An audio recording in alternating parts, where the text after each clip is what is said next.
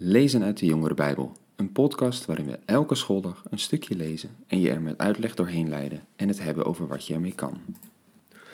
Dag leuke podcastluisteraars. Goed dat je weer luistert naar een nieuwe aflevering. En we gaan ook vandaag weer verder lezen in Romeinen, in de Romeinenbrief. Waar we met allerlei praktische zaken bezig zijn, hoe we ons leven zouden leven. En als je het hebt over hoe je je leven moet leven als christen, dan zijn daar eigenlijk onder gelovigen, onder christenen, best wel verschillende ideeën over. Ook vandaag. Sommigen die vieren bepaalde feestdagen als kerst wel en anderen vinden dat niet goed. Sommigen vieren de Joodse feestdagen, anderen weer niet. Sommigen vinden dat je niet al het vlees mag eten, anderen weer wel. En dat doen ze eigenlijk allemaal omdat ze denken dat dat de juiste manier is om het geloof te, leven. Ja, hoe ga je daarmee om? Uh, hoe is er één bepaalde juiste manier en moeten we daar allemaal elkaar op wijzen en elkaar op terecht wijzen? Wat doe je als je allerlei mensen hebt die zo verschillend denken dat ze God uh, een plezier doen door zo in leven te leven? Daar gaat eigenlijk dit stukje over. En daar gaan we vandaag en morgen nog naar kijken. In hoofdstuk 14, daar lezen we: Aanvaard degene die zwak staan in het geloof. Ontvang hen zonder hun opvattingen te bestrijden. De een gelooft dat hij alles mag eten, maar iemand met een zwak geloof eet alleen groente. Wie alles eet, mag niet neerzien op iemand die dat niet doet. En wie niet alles eet, mag geen oordeel vellen over iemand die dat wel doet, want God heeft hem aanvaard. Wie bent u, dat u een oordeel velt over de dienaar van een ander? Of het wel of niet goed is wat hij doet, bepaalt alleen zijn eigen Heer.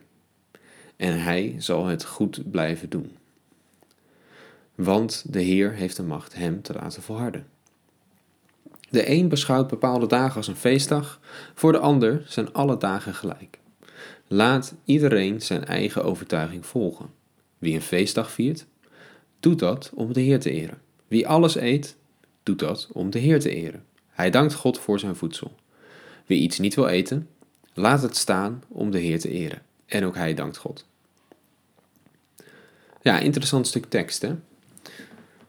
Of je nu precies doet wat mag of niet, ja, het gaat God in die zin dus niet zozeer om de regeltjes en om wat de juiste regels zijn. Ja, er schemert in deze tekst wel iets door van wat dan wel de juiste manier zou zijn. En dat is eigenlijk dat het, het, het allemaal mag. Je mag in principe alles eten. Je mag in principe, hè, dat, dat maakt niet uit. Als je dat doet en je dankt ervoor, dat is goed. Je hoeft niet per se feestdagen te vieren. Maar als je dat doet en je doet dat voor God, is het goed. En dat laatste, dat is eigenlijk waar het volgens deze tekst wel om gaat. Doe wat je doet voor God met de overtuiging dat dat een goede manier is om te leven. Dank God ervoor en doe dat ook met de overtuiging. Je hoeft dus niet krampachtig te zoeken naar, doe ik het al helemaal precies volgens alle details die in de Bijbel staan. Eigenlijk staat er dus, Doe uh, vooral hoe jij denkt dat je God eert. Dank God erbij en dat is het belangrijkste. En hoe makkelijk oordelen we wel niet over elkaar? Dat wij denken dat wij wel weten hoe je je leven moet leven voor God en dat anderen het vooral niet weten en het verkeerd doen. Wij vinden dat onze regeltjes het beste zijn. Maar dat, dat is dus eigenlijk niet de goede houding. Dat is niet hoe we met elkaar om zouden gaan. Het gaat niet om de regeltjes. Het gaat ook niet om of je gelijk hebt, maar het gaat erom of je het doet om God te dienen, om God te eren. Nou ja, laten we nog iets verder lezen. Daar staat nog: Niemand van ons leeft voor zichzelf en niemand van ons sterft voor zichzelf. Zolang wij leven, leven we voor de Heer. En wanneer wij sterven, sterven we voor de Heer. Dus of we nu leven of sterven, we zijn van de Heer. Immers, Christus is gestorven en weer tot leven gekomen, om te heersen over de doden en de levenden. Wie bent u dan, dat u een oordeel velt over uw broeder of uw zuster? Wie bent u dat u neerziet op uw broeder of zuster? Wij allen zullen voor Gods rechterstoel komen te staan. Want er staat geschreven: Zo waar ik leef, zegt de Heer, voor mij zal elke knie zich buigen, buigen en elke tong zal God loven. Ieder van ons zal dus over zichzelf verantwoording tegenover God moeten afleggen. Laten we elkaar daarom niet langer oordelen. In plaats daarvan moet u zich voornemen uw broeder of zuster niet te laten struikelen of ten val te brengen. Ja, ik verbaas me er altijd over hoe ver het gaat wat hier staat. Er staat dat we niet voor onszelf leven, maar voor God.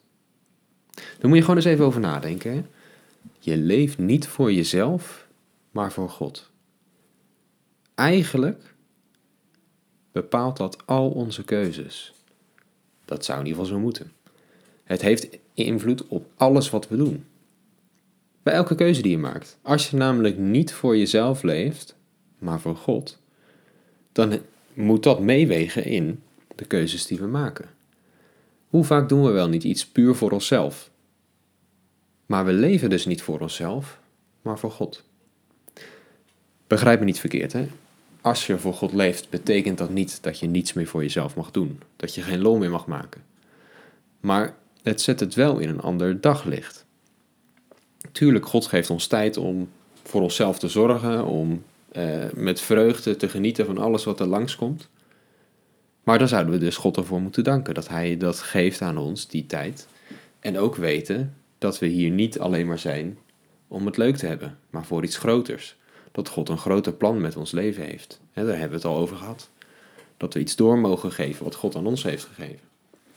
En dat we dus bij alles wat we doen erover na zouden denken.